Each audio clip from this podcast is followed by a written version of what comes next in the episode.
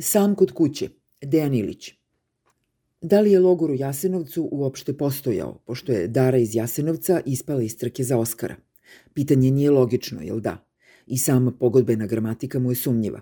U kondicionalnim rečenicama obično se kaže ako se ispuni uslov A, dogodit će se posledica B. Okolnost A, Dara iz Jasenovca ispala iz takmičenja, dogodila se, ali nije izvesno da je nastupila posledica B, Jasenovac se briše iz istorije.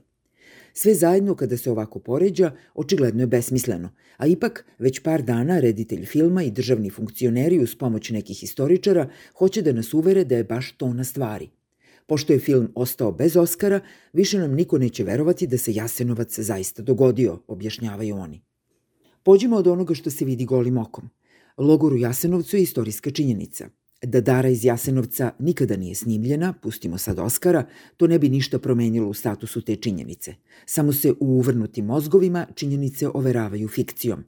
Čitava, sa mnogo pažnje i resursa iskonstruisana afera oko filma, koji ovde uzgred praktično još niko nije video, a oni redki koji su ga videli vrlo su uzdržani u svojim javnim ocenama filma, vrti se oko te neverovatne zamene – Tek pošto je snimljen film, može se govoriti o Jasenovcu.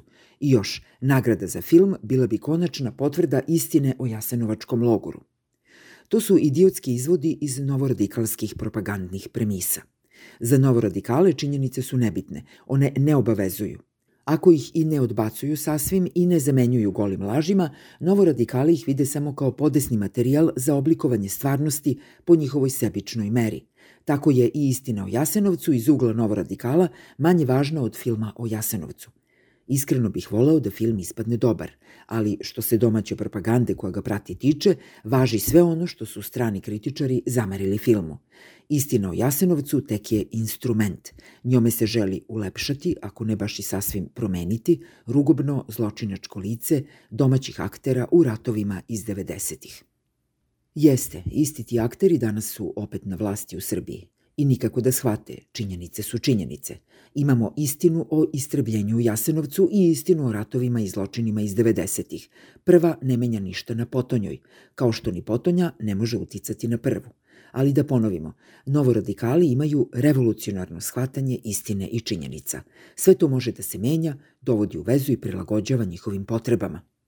Jednom kada zaposednu mesta za overavanje istine, može se čak učiniti i da su u pravu. Iz dana u dan gledamo kako oblikuju slike života u Srbiji mimo realnosti. Jaz između stvarnosti i propagandnog privida ovde je postao nepremostiv. Međutim, kada iskorače iz sveta koji drže pod apsolutnom kontrolom, novoradikali se nađu u čudu i krenu da se pomažu kao deca. Vidi, lažu. Vidi, to je neprijateljska i nefer propaganda. Vidi, rade nam sve isto što i mi radimo onima koji su slabiji od nas. Drugim rečima, nemoćni su i slepi da svet vide mimo svoje mere. Kada im stvari nisu po volji, oni za to optužuju neprijateljsku propagandu.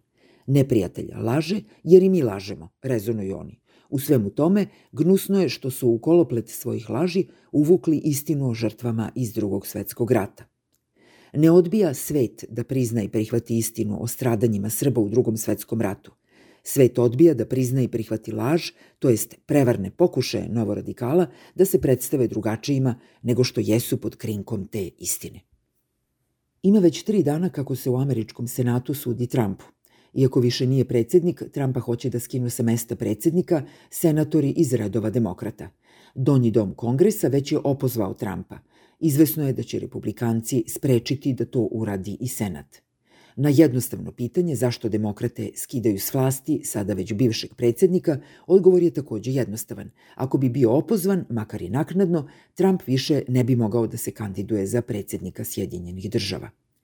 74 miliona Trumpovih glasova na netom održanim izborima visi kao pretnja nad demokratskim kandidatom, kogod to da bude, na narednim predsedničkim izborima.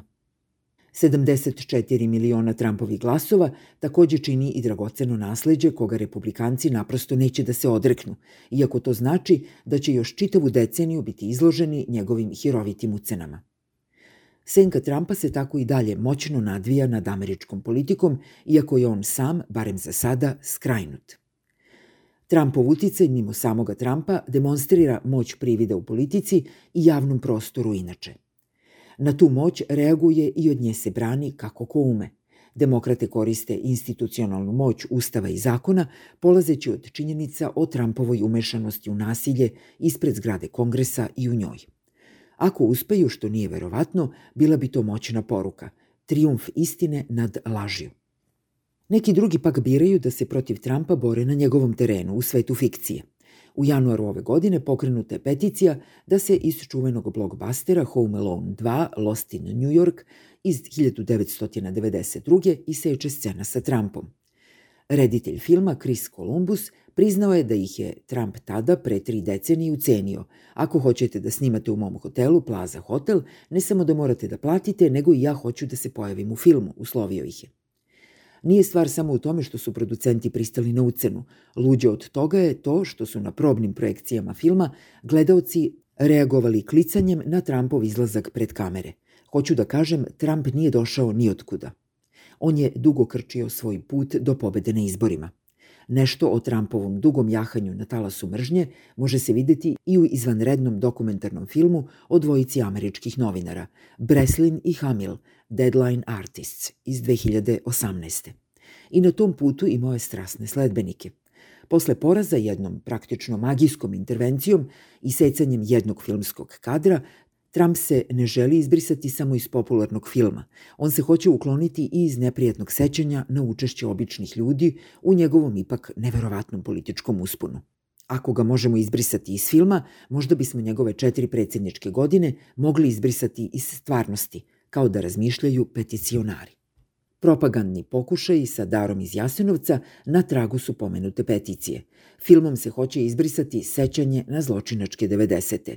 Reči o pranju savesti tekućeg režima, o sticanju prava na novi početak, takozvani nulti čas, bez tereta zločinačke prošlosti. Kada sve to znamo, evo šta je pitanje – ko je više ugrozio sećanje na žrtve iz drugog svetskog rata i poštovanje za njih.